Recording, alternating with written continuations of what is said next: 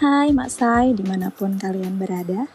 Bertemu lagi di segmen We Talk Business, Women's Empowerment and Business Talk.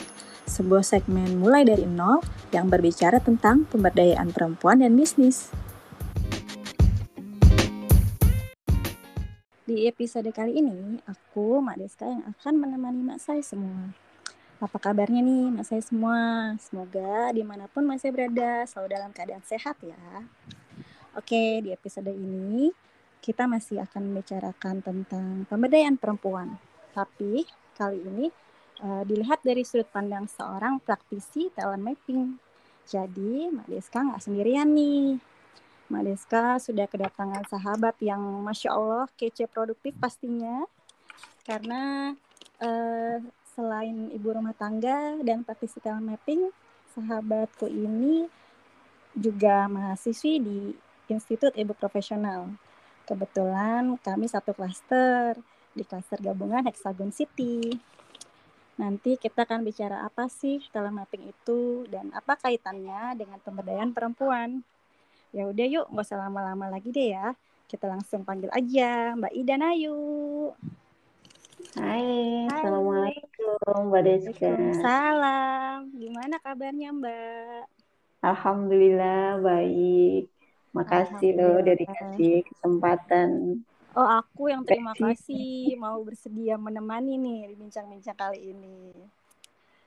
Oke, boleh dong memperkenalkan diri biar Mas Sais luar sana kenal. Dan boleh cerita sedikit kesibukannya apa aja sih saat ini Mbak Ida? Silahkan. Uh, kesibukannya apa ya? Saya itu nggak sibuk. Seperti umumnya bunda-bunda semuanya bukan sebagai istri dan sebagai ibu. Saya ada tiga orang remaja nih saat ini Mbak Deska. Oh Masya Allah. Tantangannya lebih besar ya Mbak? Hmm, Alhamdulillah. Nah selain itu sambilannya sih saya jadi praktisi talent mapping. Hmm, okay. Alhamdulillah. Udah dua tahun ini sih belajar tentang talent mapping dan memberanikan diri menjadi praktisi. Oh, masya Allah keren. Terus yang kedua eh, kesibukan kita sama ya di kampus Ibu Pembaharu. Iya. kita tetanggaan ya di Hexagon.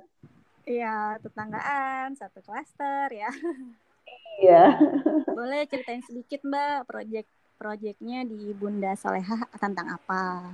Nah ya, di Bunda Salehah kali ini saya bersama tim Prada Jiva membuat hmm. proyek untuk Mu Bunda. Okay. Di sini kami konsen tentang kesejahteraan psikologis Bunda. Oh, Jadi kan biasanya sering terabaikan ya karena kesibukan Bunda dengan multi perannya sehari-hari, biasanya kesejahteraan psikologisnya sering dikorbankan atau tidak di tidak mendapat perhatian gitu. Iya benar sih. Mm-mm. Padahal itu apa ya bensin kita gitu loh, biar kita tuh bisa maksimal menjalankan peran kita gitu tetap bahagia dengan kewarasannya gitu ya Mbak. Nah benar menjaga kewarasan dengan kebahagiaan itu penting. Oke, semoga proyeknya lancar sampai finish ya Mbak, sampai goal semua tercapai. Allahumma amin. Berharapnya sih proyek kita terus ya. Iyalah pastilah, biar bisa terus bermanfaat ya. buat orang banyak, ya kan? Betul, iya. Oke, kita mulai aja ya Mbak ya. Uh, Mbak Ida kan seorang praktisi talent mapping nih ya. Boleh dong dijelasin sedikit apa sih talent mapping itu? Mungkin ada pendengar uh, Mak saya di sana yang masih yang belum tahu nih, belum kenal talent mapping itu seperti apa. Silahkan. Ah, iya iya betul. The talent mapping ini termasuk sesuatu yang baru ya buat buat kita. Iya. Kalau kalau kita mendengar katanya kan talent mapping gitu. Memetakan bakat. Ini sebuah assessment yang dirancang oleh Abah Rama yang yang dari sini kita bisa mengetahui gitu bagaimana kepribadian kita.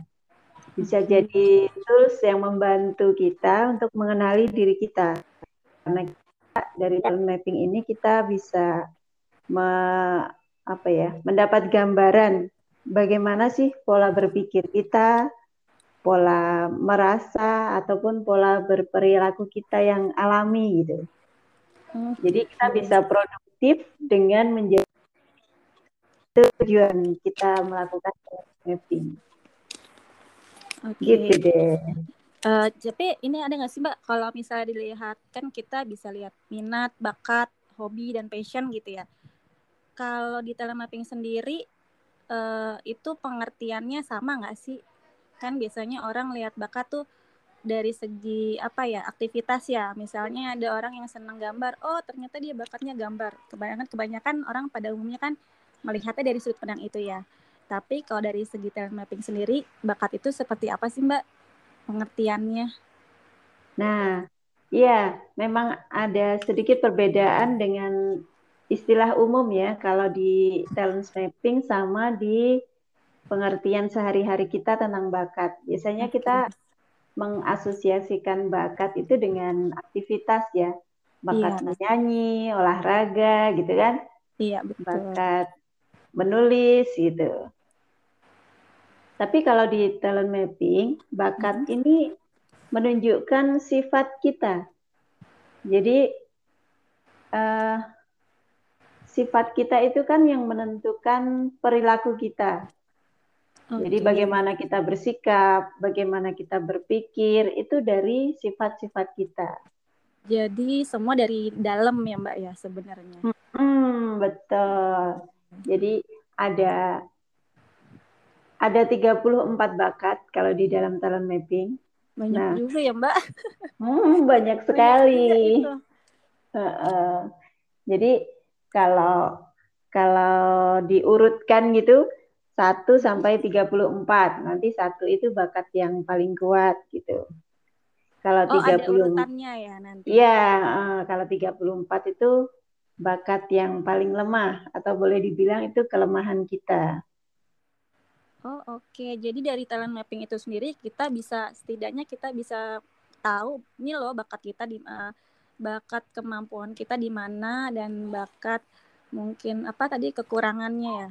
Mm -mm. Kelemahan, kelemahan. Biasanya kita, kita bilang gitu kekuatan gitu dan kelemahan gitu. Oh oke, okay. sebutan di talent mapping adalah kekuatannya apa, kelemahannya apa gitu ya. Iya, betul. Nah, kalau menurut Mbak Ida nih, seberapa efektif sih talent mapping ini dalam menemukan potensi diri kita? Terus caranya gimana supaya bisa tahu uh, kalau itu tuh ternyata memang kekuatan dan kekurangan kita?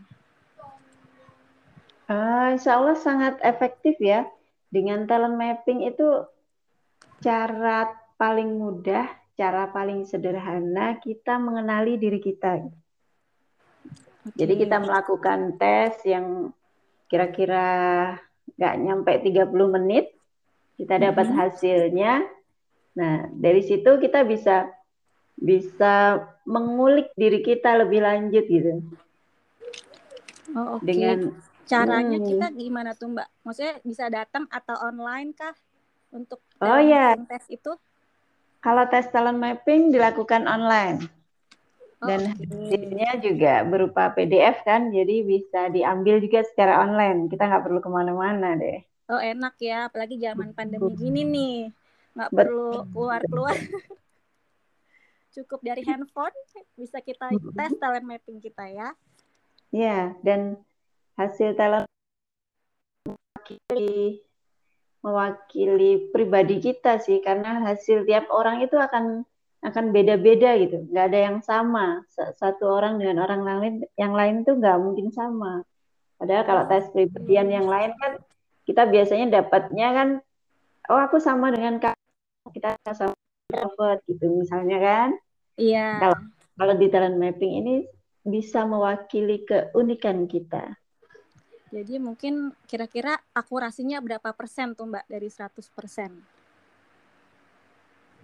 Uh, Wah, berapa persen ya? Kalau persentasenya saya kurang tahu ya, tapi Kira-kira aja selama selama Mbak Ida jadi uh, practitioner mapping gitu kan pasti banyak teman-teman yang tes ya sama Mbak Ida. Kira-kira dari 100% berapa persen keakuratannya gitu. Yang sesuai dengan diri teman-teman yang udah tes sama Mbak Ida. Oh ya. Kalau kalau aku sendiri merasakannya sih 100% cocok ya. Wah, Masya Allah. Cocok dengan diri saya. Oh, Oke. Okay. Kayaknya Dan, perlu nih nanti aku ngobrol-ngobrol uh, talent mapping mau dites juga sekali-kali. Ah, ayo ayo ayo. Biar pasti bener gak ya ini kekuatanku di sini gitu kan ya. Mm -mm. Jadi uh, kalau kita bisa mengenali diri kita, nanti kita akan lebih mudah mengenali anak kita gitu. Ya minimal tahu diri kita dulu ya Mbak. Uh, contohnya, eh kenapa sih anak kita ini kok cengeng banget? Anak lain nggak nangis, dia nangis. Ternyata dari dari talent mapping kita kenal ada namanya bakat empati gitu. Jadi yeah. di bakat empati itu ada ada orang yang perasaannya sangat halus, sensitif sangat sensitif. Gitu ya. hmm, tapi oh, kelebihan dia, anakku banget tuh ada yang kayak gitu. oh gitu ya. ada banget. Kelebihan dia adalah dia bisa merasakan perasaan orang lain seperti dia merasakan sendiri. Nah, itu kan kelebihan. Iya, cuman terkadang aku belum bisa maintain sumba gimana caranya dia uh, supaya nggak dikit-dikit empatinya tuh kayaknya terlalu tinggi gitu. Ngelihat ngelihat orang dimarahin aja dia bisa nangis. Padahal orang itu nah. bukan temannya bukan saudaranya gitu. Mm -mm, betul. Jadi eh, bikin gemes ya. Iya. Jadi kalau ngomong itu sama anakku yang pertama ini harus pas levelnya. Nggak uh, bisa naik banget nggak bisa turun uh, gitu. Uh, uh, iya betul. gampang terharu gitu kan ya mm -mm. terus ada hmm. lagi anak yang dia nggak bisa disuruh gitu semua semua apa yang dia lakukan itu harus kemauannya sendiri nah di talent mapping itu ada yang namanya bakat komen gitu oh jadi mungkin kalau jadi leader gitu cocoknya di situ ya mbak Ah, ah iya. Iya, kalau jadi hmm. leader dia cocok banget. Soalnya... Tapi pas dia masih kecil, hmm? kita membacanya dia keras kepala. oh, kenapa yang diomongin Mbak Ida ini kebetulan mirip-mirip ya sama anak-anak saya? Iya bener loh. Yang anakku yang bungsu tuh gitu aku hmm. bilang karena aku nggak ngerti ya bahasa talent mappingnya jadi aku bilang ini leadernya terlalu tinggi aku bilang nah betul betul betul leadershipnya terlalu tinggi aku bilang gitu ternyata itu semua bisa dilihat ya dari talent mapping ya iya bisa hmm. dilihat dari talent mapping kalau dari segi usia mbak kira-kira hmm. usia yang pas untuk bisa tes, tes talent mapping ini usia berapa dimulai dari usia berapa Sebenarnya semua usia cocok ya untuk tes talent mapping. Oh, oke. Okay. Oh, sudah dewasa, mm-hmm. sudah usianya 18 tahun gitu kan. Misalnya ya, 18 tahun itu kan sudah seharusnya ya, seharusnya dia punya beragam aktivitas kan. Hmm, iya. Usianya 18 tahun dan aktivitasnya kan lebih beragam daripada anak balita kan? Iya. Nah, dia akan menjawab soalnya akan jauh lebih lebih apa ya? Pas gitu dengan dirinya karena dia sudah nyoba gitu. Sudah apa ya? Sudah melakukan banyak eksplorasi mungkin ya. Ah, ah betul. Jadi sudah karena di tes talent mapping kan memang pertanyaannya adalah aktivitas-aktivitas kita sehari-hari. Oh, oke. Okay. Uh, tapi kalau anaknya masih kecil, mungkin mm -hmm. karena dia juga belum nyoba nyoba aktivitas yang dimaksud di dalam pertanyaan itu atau uh uh, apa ya? Dia belum mengerti maksud pertanyaannya bagaimana.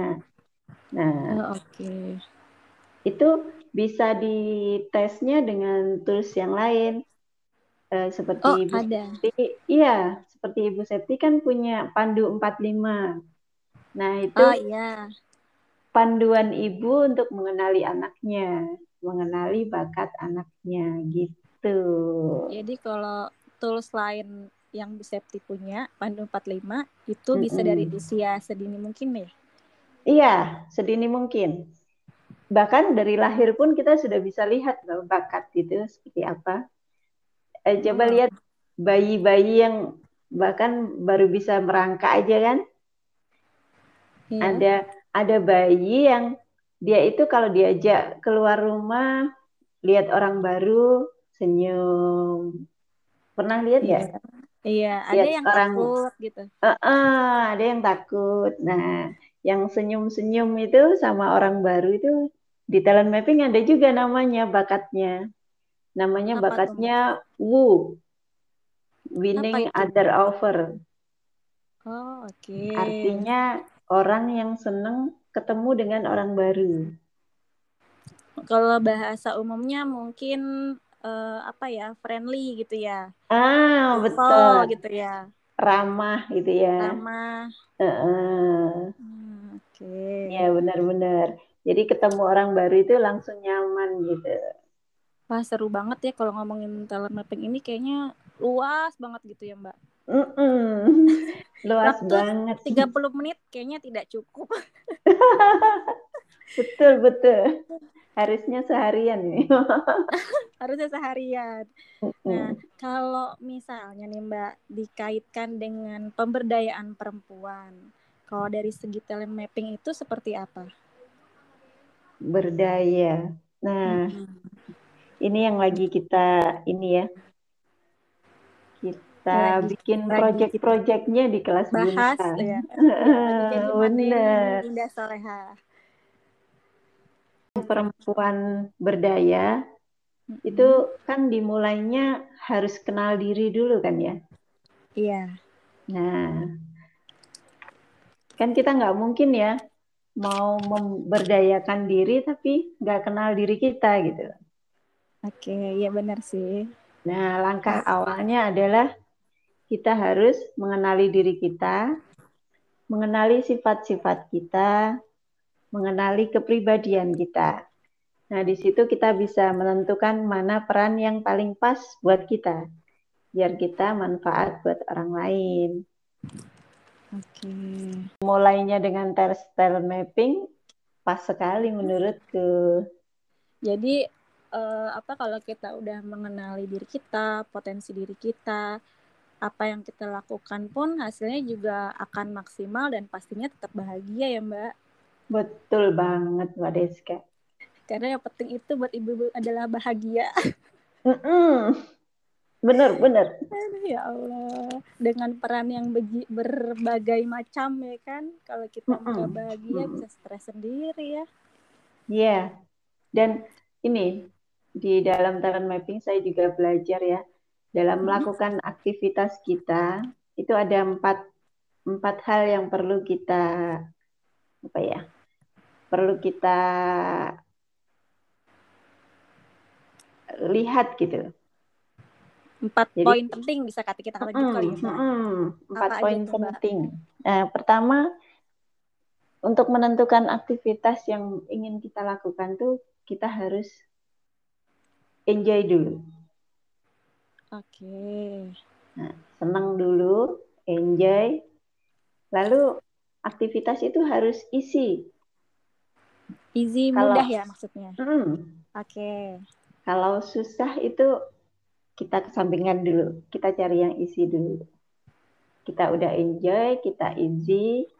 Nah, setelah isi, kita mau meningkatkan level dengan pelatihan, dengan belajar atau dengan apa pun lah ya. Kita lihat, kita bisa excellent nggak? Excellent, oke. Okay. Yes, kalau kita excellent, ah, itu baru tanda-tanda bahwa aktivitas kita ini ditunjang dengan bakat. Oke, satu lagi apa? Satu lagi adalah earn. Produktif. Oke. Mm, mendapatkan income, mendapatkan kebahagiaan. Yang namanya produktif kan di, di kita kan bukan cuma uang ya. Iya betul. Jadi kita melakukannya, jadi seneng, jadi bahagia itu juga produktif. Juga produktif. Mm-mm. Iya benar banget. Nah, Uh, kalau keempat empatnya ini dapat mm-mm. excellent dan earn, nah itu Hmm. orang yang orang-orang bilang namanya passion itu ya itu. Oh oke, jadi mulai dari kita sebutnya apa ya? 4E kali ya. 4E ya, Dari lebih dikenal 4E. dengan 4E. Dari 4E kin- ini baru kita bisa menemukan yang namanya passion. Mm-mm. Oke. Wah, ini kayaknya banyak banget ya yang mau ditanyain. Cuman aku bingung, apalagi ya saking banyaknya tuh mau ditanyain gitu. Eh, ada Apa ya, lagi nggak ya? Mbak Ida mau tambahin eh, apa ya kaitannya talent mapping ini dengan pemberdayaan perempuan selain tadi 4E tadi harus memulai dari 4E. diri sendiri. Oh ya, eh, mungkin buat kita yang kadang melupakan kebahagiaan gitu, sering melupakan kebahagiaan, mungkin bagi kita enjoy itu nggak penting ya. Enjoy nggak penting lah, yang penting kerjaan selesai gitu kan. Iya masih Yang ada sih yang penting suka berpikir target gitu. tercapai. Heeh. Iya benar-benar. Nah, kalau 4E itu hilang enjoy-nya, jadi tinggal isi excellent Excellent dan earn. Nah, itu orang biasanya bilangnya itu namanya kompetensi. Oh gitu ya. Itu yang Jadi dilatih di di sekolah, dilatih di tempat kita bekerja gitu. Hmm, Jadi 4E ini benar-benar harus ada semua ya Mbak, nggak boleh ada yang hilang satupun. Ya kalau kalau enjoy-nya nggak ada, biasanya kita akan lelah, mudah lelah, mudah stres, pengennya cari pelarian gitu. Iya sih benar. Jadi nggak nggak apa ya. Jadi mungkin nggak maksimal ya hasil yang dikerjakannya gitu. Melelahkan gitu, aktivitasnya jadi melelahkan. Iya benar-benar. Aduh seru banget ya Mbak bincang-bincang kita kali ini. Tapi karena waktunya terbatas, eh, boleh dong Mbak Ida kasih closing statementnya sebelum kita tutup nih acaranya. Closing statementnya. Iya. Eh, buat Bunda semua, Bunda adalah makhluk yang istimewa dengan multi perannya gitu. Ketika ketika Bunda nggak bahagia itu energinya akan menyalur atau menular ke anak dan suami, ke orang-orang di sekitar kita. Jadi Bunda itu harusnya bahagia. Walaupun kita memang bukan makhluk yang sempurna, tapi percayalah, Bunda itu istimewa. Eh, istilahnya, I'm not perfect, but very special dan limited edition. Itu saja. Oh masya Allah. Selamat Buat mengenali keunikan Bunda, selamat mengenali keistimewaan Bunda. Masya Allah, closing statementnya bagus banget Mbak Ida. Emang bener ya, ibu-ibu tuh harus happy dulu, baru keluarganya bisa juga happy ya. Iya, betul. Oke, terima kasih banyak Mbak Ida atas waktunya.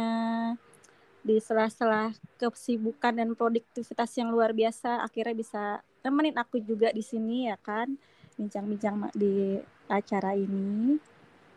Semoga dari bincang-bincang aku dan Mbak Ida bisa bermanfaat buat semua mak saya mendengarkan dan bisa mendapatkan insight tentunya.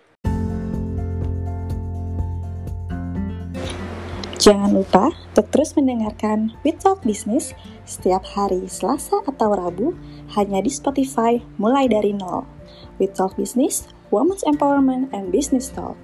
Aku Mak Deska pamit. See you Mak Say. Assalamualaikum warahmatullahi wabarakatuh.